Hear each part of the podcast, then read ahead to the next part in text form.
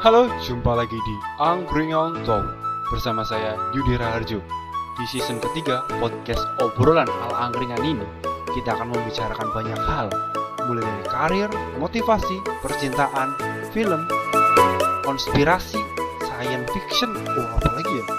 Oh, Pokemon ya? ya, selamat mendengarkan. Salam jahe susu.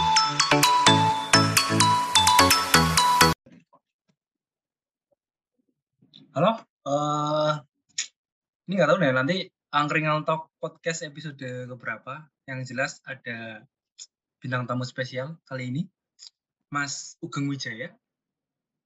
Halo, Halo, Mas Ugeng. thank Halo. you, thank you, thank you di udah uh, udah invite ya di acara Angkringan Talk Show ini ya. Angkringan Talk aja mas, nggak ada show-nya. Oh, ya. Talk. Ini namanya sih unik nih karena ada bawa-bawa angkringan ya. Oh iya. Oh itu cerita sejarahnya panjang lagi. Itu satu episode nggak kelar itu ceritain sejarahnya. Nah ini eh, judulnya switching kayak switching career. Ini ya udah kita langsung aja cerita apa tanya ke Mas Ugeng. Mas Ugeng kok eh, dari sarjana tambang apa lulusan tambang kok sekarang jadi konsultan agile itu gimana ceritanya mas? Oke, ya. Jadi buat teman-teman yang belum kenal saya, Mm-mm. boleh googling ya, sombong banget. Oke siap. boleh googling ya. Nah, kita kenal aja di sini ya. Iya, saya iya. Ugeng ya. Eh, dulu saya kuliah di UPN Jogja. Hmm. itu judulnya teknik pertambangan. Nah, kira-kira nih ya bener. tambang itu kira-kira ngapain sih? Wah, kita Hmm. mungkin bisa jadi engineering lapangan ya, Ah, atau minimal planningnya gitu kan. hmm. Kerja di perusahaan mining ya, perusahaan pertambangan. Hmm. Tapi setelah lulus kok kok switch karir ya, kok ke- ke- kerjanya malah di consulting innovation consultant gitu kan. Kok bisa? Ya, bisa aja sebenarnya. Karena gini, sebenarnya sekarang sudah banyak sudah Hmm. banyak pekerjaan-pekerjaan yang dulu saat kita kuliah Hmm. pekerjaannya belum ada. Belum ada, bener bener bener belum ada. Innovation consultant di bidang agile saat Hmm. saya kuliah tuh dulu belum ada, belum eksis. Itu Hmm. itu makanan apa gitu kan? itu makanan apa? Dulu nggak ada. Di perkuliahan pun sangat jarang. Ya. Eh, eh, Jadi awal Hmm. ceritanya gimana saya bisa switch gitu kan? Ya dulu ketika saya lulus itu memang dunia pertambangan batu bara lagi lesu. Beda per hari ini batu bara lagi naik banget ya sahamnya ya. ah, Buat para tuan seeker hari ini harga batu bara lagi naik. ya ya ya ya ya. Naik. Nah beda ceritanya ketika saya lulus dulu lagi pada anjlok gitu kan. Hmm. 2000 berapa mas? 16. 2000 sekian. Udah cukup lama 2000 sekian. Enggak, Mas Ugeng lulus Nah. tuh 2016 ya kalau nggak salah. Apa? Kayaknya iya iya 2016 kayaknya. Ya ya ya. ya. Nah, setelah lulus itu saya lagi batu bara lagi susah ya. Kalau di industri mining lagi susah. Lowongan pekerjaan ada ada, cuman mereka biasanya prefer yang sudah pengalaman ya. Meskipun lowongannya Hmm. fresh graduate, ada yang sudah pengalaman. Lamar juga itu menambah berat saingannya gitu kan. Hmm. Nah, singkat cerita, udah saya mau independence gitu kan. Saya selamar di semua bidang pekerjaan. Yang penting Oh. mereka membuka untuk semua jurusan gitu kan. Hmm. Singkat cerita saya teri- diterima di Astra Internasional. Ya meskipun Swiss karir tapi nggak nggak jelek-jelek amat ya.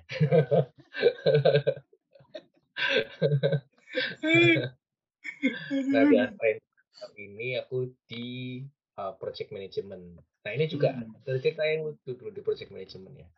Hmm. Di Astra tuh saya tuh bukan tadinya mau mau ke yang jalur MP-nya gitu kan. Hmm. Tapi nggak masuk tuh. Nggak masuk. Terus aku dapet yang non MP sederhana. Hmm.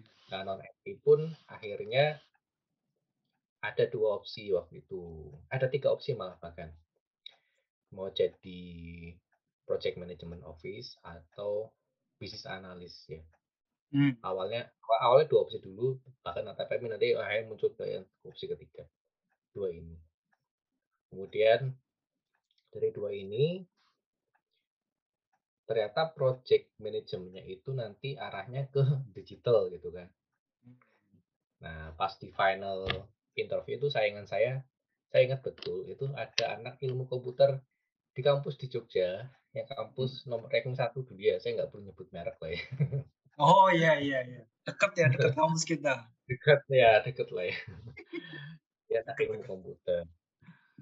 Dulu saya udah saya pasrah aja ini Hmm. makanannya dia gitu kan. Hmm. Ternyata malah saya yang lolos. Oh. meskipun ya meskipun bukan bukan sebagai MT waktu itu kan Hmm. masuk terus di bagian apa namanya di bagian administrasi tadinya mau mau dijadikan bisnis analis gitu Hmm.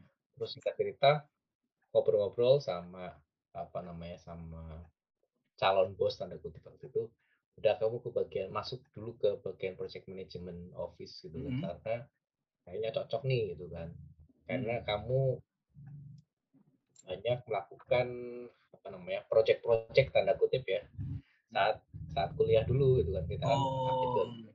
kan sebenarnya kita mengelola manage Hmm. people ya manage Hmm. activity Hmm. situ nah di bagian project management ini terus kebetulan ada ada project manager ada project project manager yang resign gitu kan ada project Hmm. manager yang resign udah saya masuk ke situ Hmm. menggantikan dia menggantikan peganglah satu dua project dulu gitu kan Hmm. eh lancar nih tambahin lagi Hmm. terus akhirnya udahlah kamu bukan lanjutin aja sebagai project manager Hmm. dalam waktu yang cepat. tadinya bisnis analis ya jadi project management office jadi kalau di IT department itu ya itu kan ada project project management office ya, sama project manajernya Hmm. awalnya jadi di data perusahaan itu eh, awalnya itu saya masih terdaftar sebagai bisnis analis Hmm. dipindahin ke PMO tapi PMO tuh paling cuman kayak kayak seminggu paling gitu ya habis itu Hmm. coba deh tentang proyek gitu kan itu karena kepepet sebenarnya Iya iya. Bukan. Hmm. sebenarnya itu waktu itu atasan saya juga eh, ngetes ke beberapa teman-teman yang lolos ya jadi Hmm. ada yang lolos juga di lewat jalur yang lain gitu kan tapi pokoknya yang anak PMO ada yang disuruh pegang project juga gitu kan tapi ada yang akhirnya tetap sebagai PMO karena dia memang cocoknya di sana project management office kalau saya waktu itu lebih cocok ternyata malah bisa ke uh, project management uh, project manajernya gitu kan. Nah ini lumayan menantang. Itu pun di awal-awal ya saya saya babak belur dulu pasti kan karena project yang saya pegang project digital. Ya managing people tahu cuman kayak project digital kan harus dapat knowledge-nya dulu. Nah cuman untungnya alhamdulillah itu dapat mentor di inilah di company yang lama. Dapat mentor dapat orang yang mau sharing ya banyak belajar di situ sehingga bisa bisa tumbuh gitu kan bisa tumbuh uh, bahkan malah sama masih kenal juga temen yang masuk ke MT waktu itu terus ya kurang lebih masih sama lah meskipun Hmm. jalurnya saya belajar mandiri Hmm. mereka belajar baik dia diajarin gitu kan saya Oh. mandiri akhirnya sama-sama dapat promosi juga gitu kan Hmm. malah pas saya sama mereka wah lu enak aku dapat ini penempatannya di bagian situ terus Hmm. cara apa namanya karipetnya juga kayak malah lebih oke gitu kan jadi ternyata MT itu nggak ngejamin Bah- bahkan menariknya waktu itu yang jadi kayak jadi setiap setiap MT itu katanya ada kayak kayak koordinatornya gitu ya Hmm. itu malah akhirnya dia nggak lulus gitu kan dia Oh. nggak lulus Oh. jadi ya semua tuh punya punya tantangan masing-masing jadi buat Hmm. teman-teman juga MT itu bukan segalanya MT itu memang mereka punya kelebihan karena mereka di training dari perusahaan Hmm. kalau Ya, nggak ya. MT gimana ya pakai budget sendiri Belajar bisa dari mana aja kok. Ya kan Mas? Belajar bisa dari mana aja benar Oh. ya pakai budget sendiri budget itu nggak harus uang ya teman-teman tapi atau resource itu nggak harus uang tapi bisa Hmm. bisa jadi kita meluangkan waktu Jadi wak- dulu waktu saya masih di di tempat yang lama itu ya kita biasanya kalau developer lagi pada lembur biasanya eh, Hmm. saya ngapain kan dan saya ini cari ruangan kosong buat belajar buat belajar. Karena saya ngerasa kurang gitu kan. Saya dulu Hmm. bukan orang IT ini sudah saya harus belajar IT saya bukan orang yang profesional project management udah saya mesti belajar di situ. Ya Hmm. memang praktik jadi begitu belajar langsung praktikin belajar praktikin gitu kan. Sampai akhirnya ya bisa. Hmm, akhirnya bisa dapat promosi yang bahkan di situ Hmm. jadi setara dengan MT ya. Karena Mas Sugeng ini emang orangnya tuh suka belajar ya mas. Aku tuh inget nih aku nih kayaknya Mas Sugeng tuh nggak nggak lihat aku dulu dulu tuh. Mas Sugeng tuh lagi sendirian di toga mas. Baca buku. Ah. Aku ingat tapi aku aku nggak nyapa. Aku itu aku nggak nyapa. Aku diam aja. Aku dari lihat oh, itu Mas Sugeng. Tapi kayak lagi serius banget nih. Ini orang lagi apa? Baca buku karena ya habis beli buku terus bukunya langsung dibaca di situ. Toga mas yang ini, ini, ini kecil itu loh. ya menarik ya menarik ya. Jadi aku kan emang su- suka belajar ya. Belajar belajarnya itu Hmm.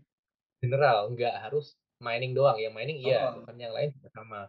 Termasuk aku belajar dulu tuh biografinya founder Astra gitu kan. Hmm. itu kepake Hmm. banget kepake banget saat interview gitu kan. Bahkan saat apa namanya eh, setelah dapat promosi kan kita, kita dapat training ya.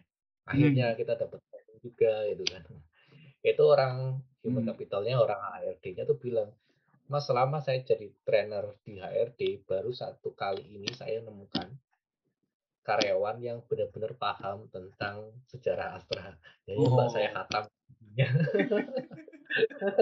saya khatam bukunya. Oh iya ada lagi mas. Mas itu kita ketemu pas seminarnya Mario Teguh oh iya di Kita juga- JNC.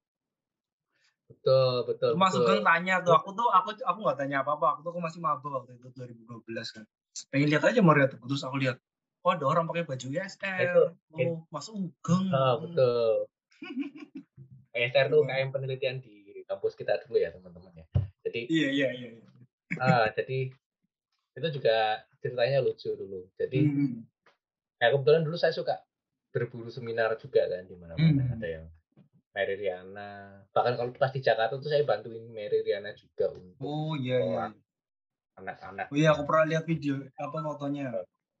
Hmm. Ah, terus Mary Teguh gitu ya. Nah, dulu masih belum ada kasus gitu. ya. Iya, Tanda iya, kutip, iya, Pak. iya. Super kok Sekarang masih udah. super Pak. Sekarang udah cerita, cerita. Dulu Iya. masih naik-naiknya. lagi naik-naiknya itu kan. Nah, Hmm. ya singkat cerita dulu dulu saya pengen ikut gitu kan. Cuman yang mahasiswa dulu kan wah seminar segitu tuh lumayan ini ya. Enggak. Nah, itu ternyata teman saya. Oke, ya. Hmm. Ya tadi sampai dengan seminar intinya ternyata tuh salah satu panitianya tuh teman saya gitu kan. Terus dia punya free ticket, ya udah saya dapet tuh. Dan dapat karena data saya, saya aku datang awal-awal itu ya lebih awal bisa dapat tempat duduk tuh rada depan. Kalau nggak salah baris pertama tuh baris kedua tuh. Luar biasa emang. Oke sih. Anyway mungkin kita bisa ba- back to the topic ya, switch karir gitu kan. Enggak kan apa? Karena eh, Mas Sugeng ini kan orang tipe orang yang eh, mau belajar banyak hal. Jadi kan misal pas lulus udah kerja di tambang kan jadi mudah tuh Mas switching karirnya karena Mas Sugeng kan udah belajar banyak hal. Ya, sebenarnya termasuk di UKM kita dulu ya.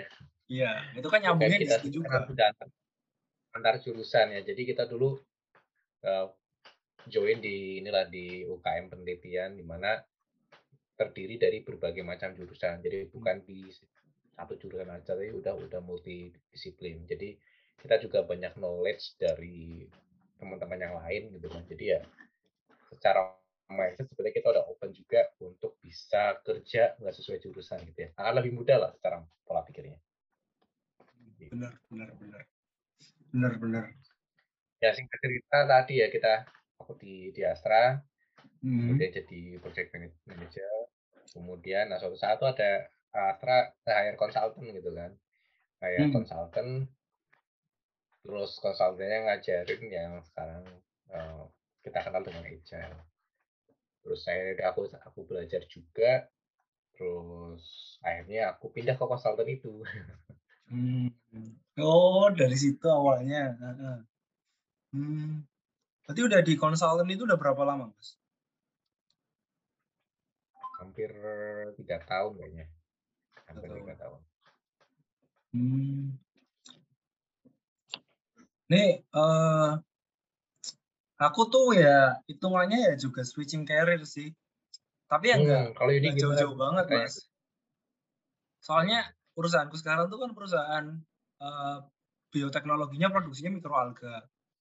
Foundernya Hmm. itu dosen UPN, oh I see, I see. dosen UPN, dosen teknik teknik kimia. Tapi aku lebih fokusnya di digital marketingnya. Karena dulu kan Hmm, aku suka nulis konten kan. Aku kan dulu blogger kan, Oh. sering-sering nulis. ah, Jadi kan itu masih nyambung kalau bikin eh, apa di digital marketing itu masih nyambung. iya jadi dari passion pun bisa jadi jalan pintu rezeki ya Iya, seperti itulah mas. iya Tapi pada dulu eh, kan gimana? iya Oh iya padahal dulu kan kuliahnya di teknik kimia itu susah loh guys susah banget loh jadi ada ada ada cerita lucu nih teman-teman. Jadi Hmm. dulu kalau dulu ya ini bukan gimana cuman kalau uh, masuk ke teknik itu agak susah ya. Hmm. ya. Tapi keluarnya itu lebih susah lagi gitu kan. Nah, di, ke- pertambangan itu susah gitu kan. Di teknik kimia itu ya ya mungkin lebih susah dikit malah.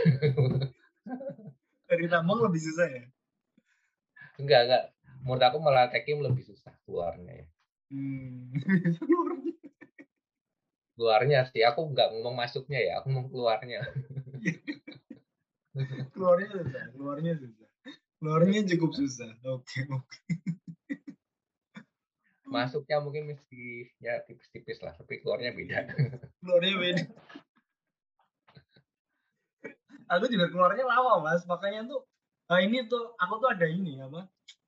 Masih ada pikiran, duh aku tuh pengen kerja kayak teman-temanku loh di proses, di produksi eh, yang berkaitan dengan kimia. Tapi eh, satu sisi aku tuh ya ini tuh bagian ini tuh sesuai passionku, tapi aku pengen kerja kayak teman-teman sejurusanku tuh. Aku masih hmm, masih bimbang sebenarnya, belum yakin-yakin banget sih di sini.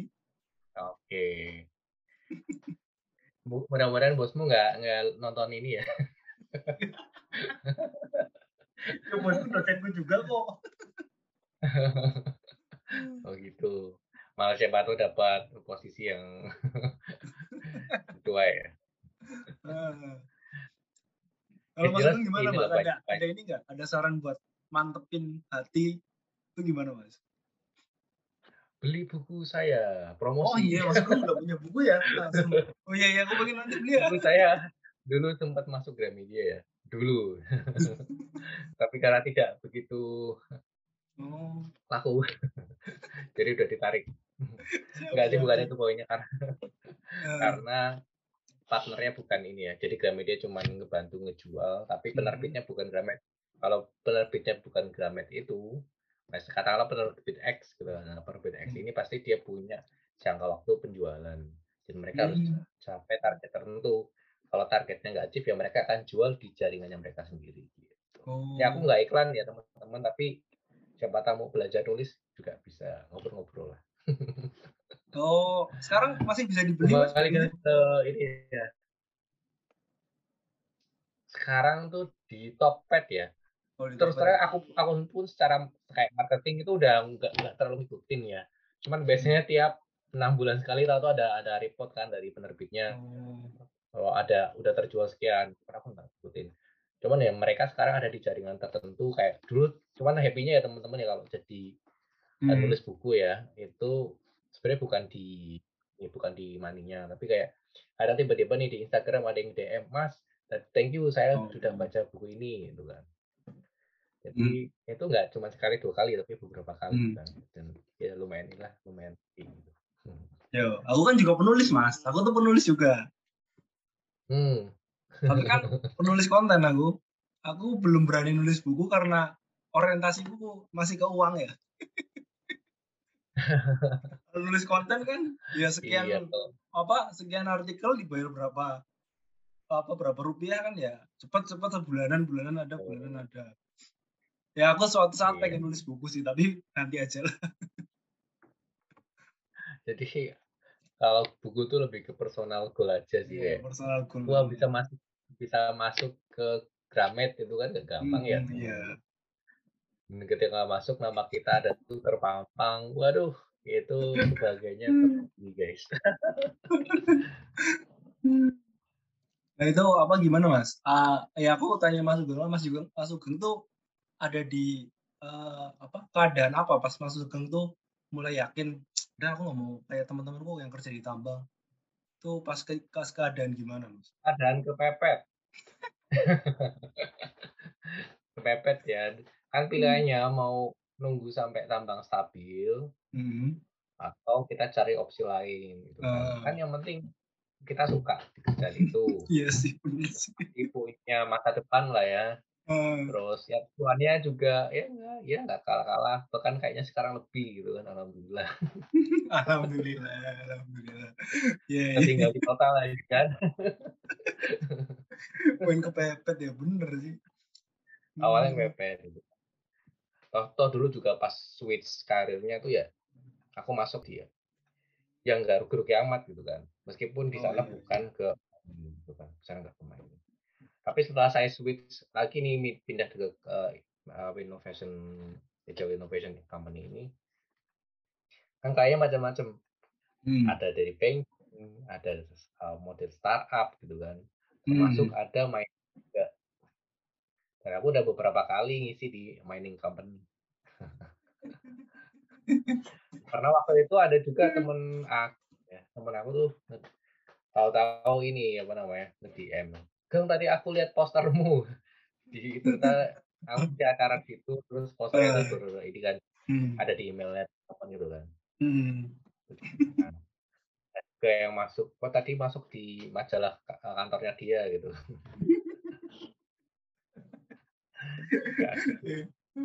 Mantap, mantap, mantap.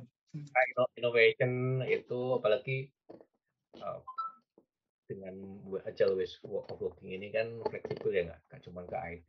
Dan ini juga menarik ya. Jadi pas aku pindah dari Astra ke konsultan yang sekarang ini, kalau di Hmm. Astra kan fully digital. Kalau sekarang itu nggak cuma digital, tapi lebih ke manajemen consulting dari sisi innovation.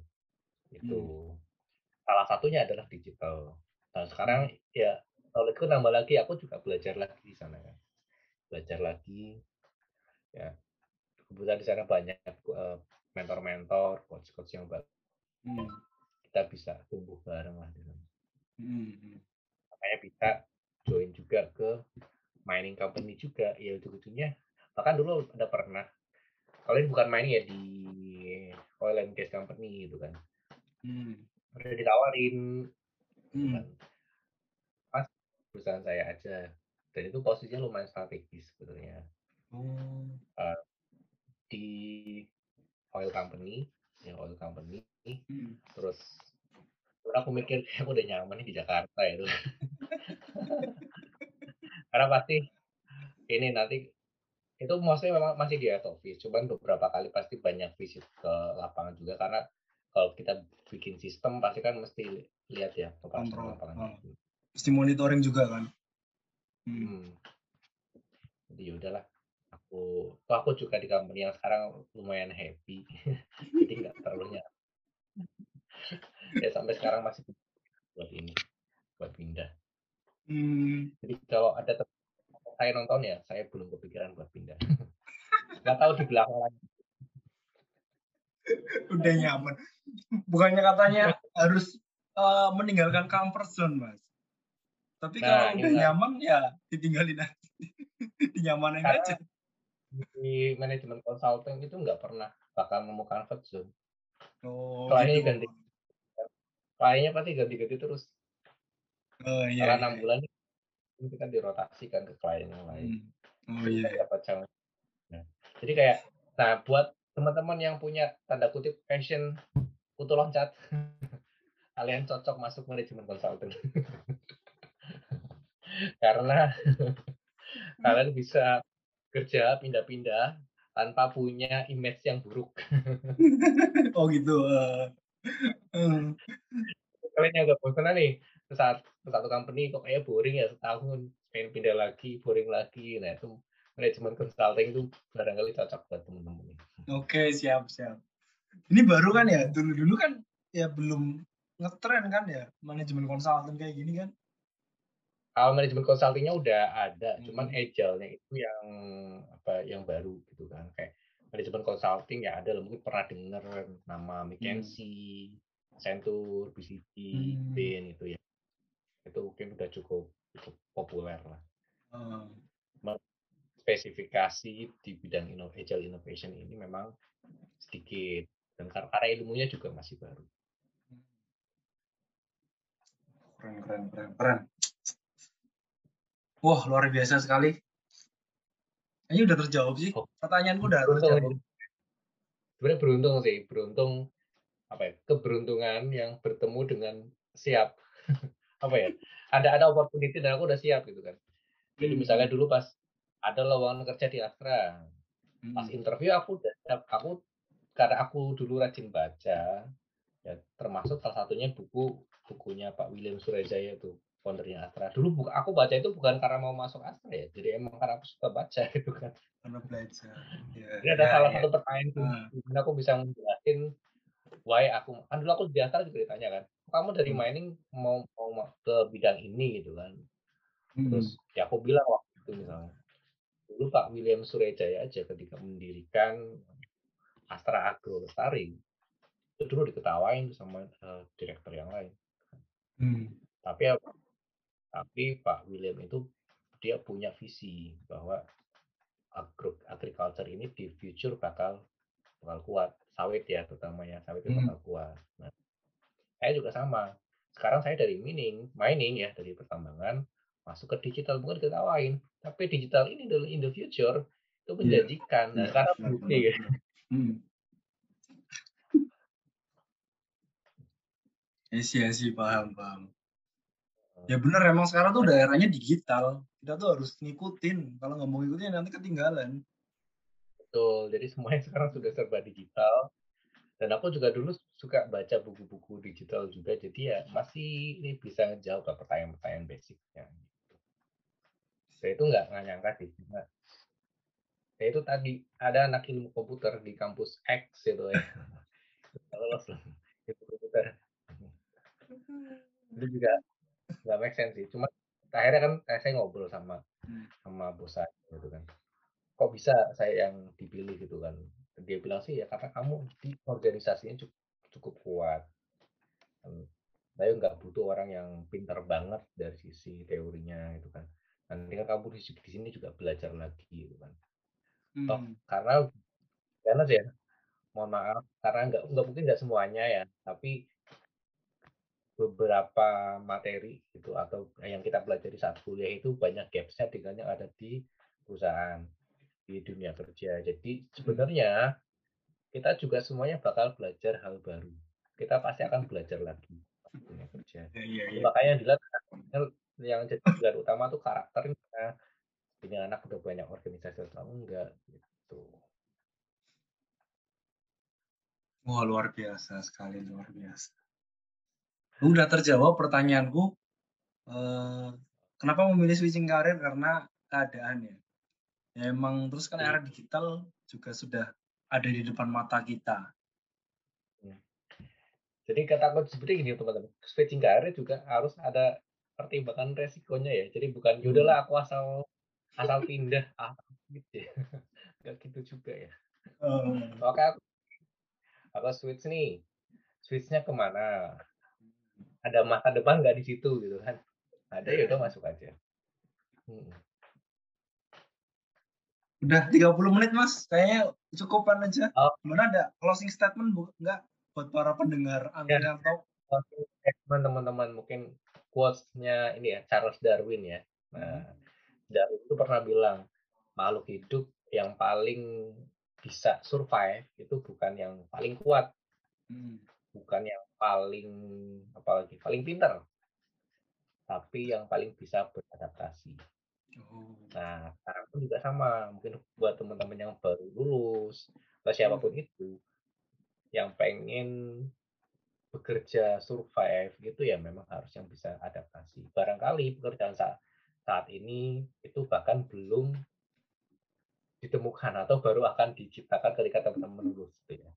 Iya, iya. Deskripsi itu belum nggak pernah ditemukan saat kuliah. Yang penting teman-teman punya semangat untuk adaptasi tadi. Keren, keren, keren. Dah, dah, dah. Wah, terima kasih banyak Mas Sugeng sudah mau hadir di Angkringan Talk. Uh, sampai jumpa di lain kesempatan. Semoga sehat selalu. Oke, okay, thank you, thank you Yudi, thank you.